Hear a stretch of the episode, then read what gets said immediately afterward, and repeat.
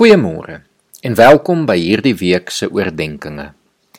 Hierdie week wil ek graag saam met jou stil staan by die vraag: Wie was Jesus?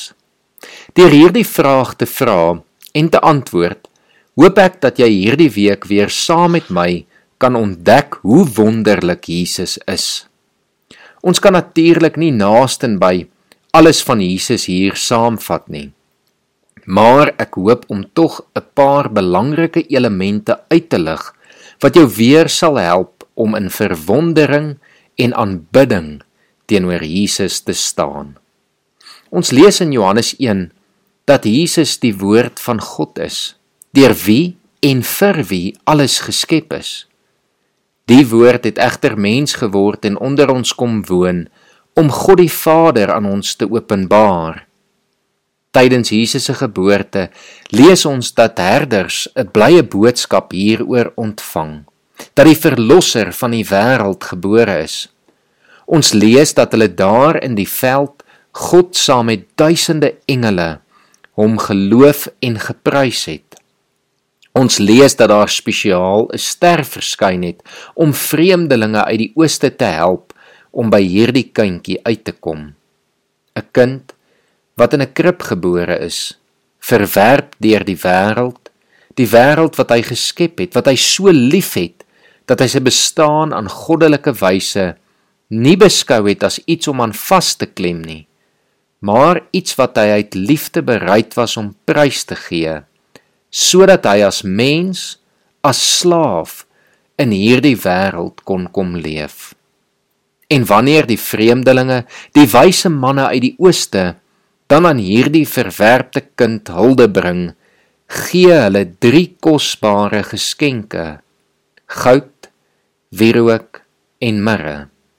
En alhoewel ons maklik na die geskenke kan kyk en dit maar net afmaak as waardevolle geskenke, het hierdie wyse manne eintlik as profete opgetree om iets van wie Jesus vir ons sal wees simbolies uit te wys. Die geskenke vertel wie hierdie kind uiteindelik sal word.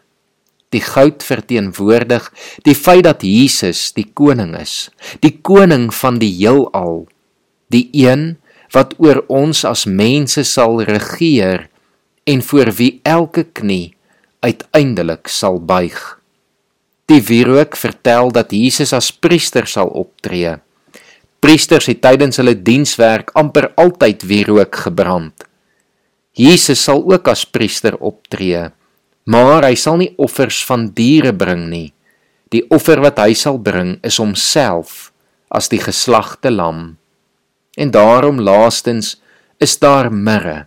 Mirre wat gebruik was om iemand vir 'n begrafnis te salf. En daarom simboliseer dit dat Jesus as profeet sal optree maar ook soos baie profete voor hom uiteindelik as profeet sal sterf. Dit alles is natuurlik deel van sy verlossingsplan. Vanoggend wil ek jou uitnooi om op hierdie 3 dele van wie Jesus is te fokus. Mag jy dan vanoggend Jesus as jou koning, jou priester en jou profeet erken en mag jy hom ooreenkomstig aanbid. Kom ons bid saam. Here, dankie dat ons vanoggend net weer bewus kan word van wie U is.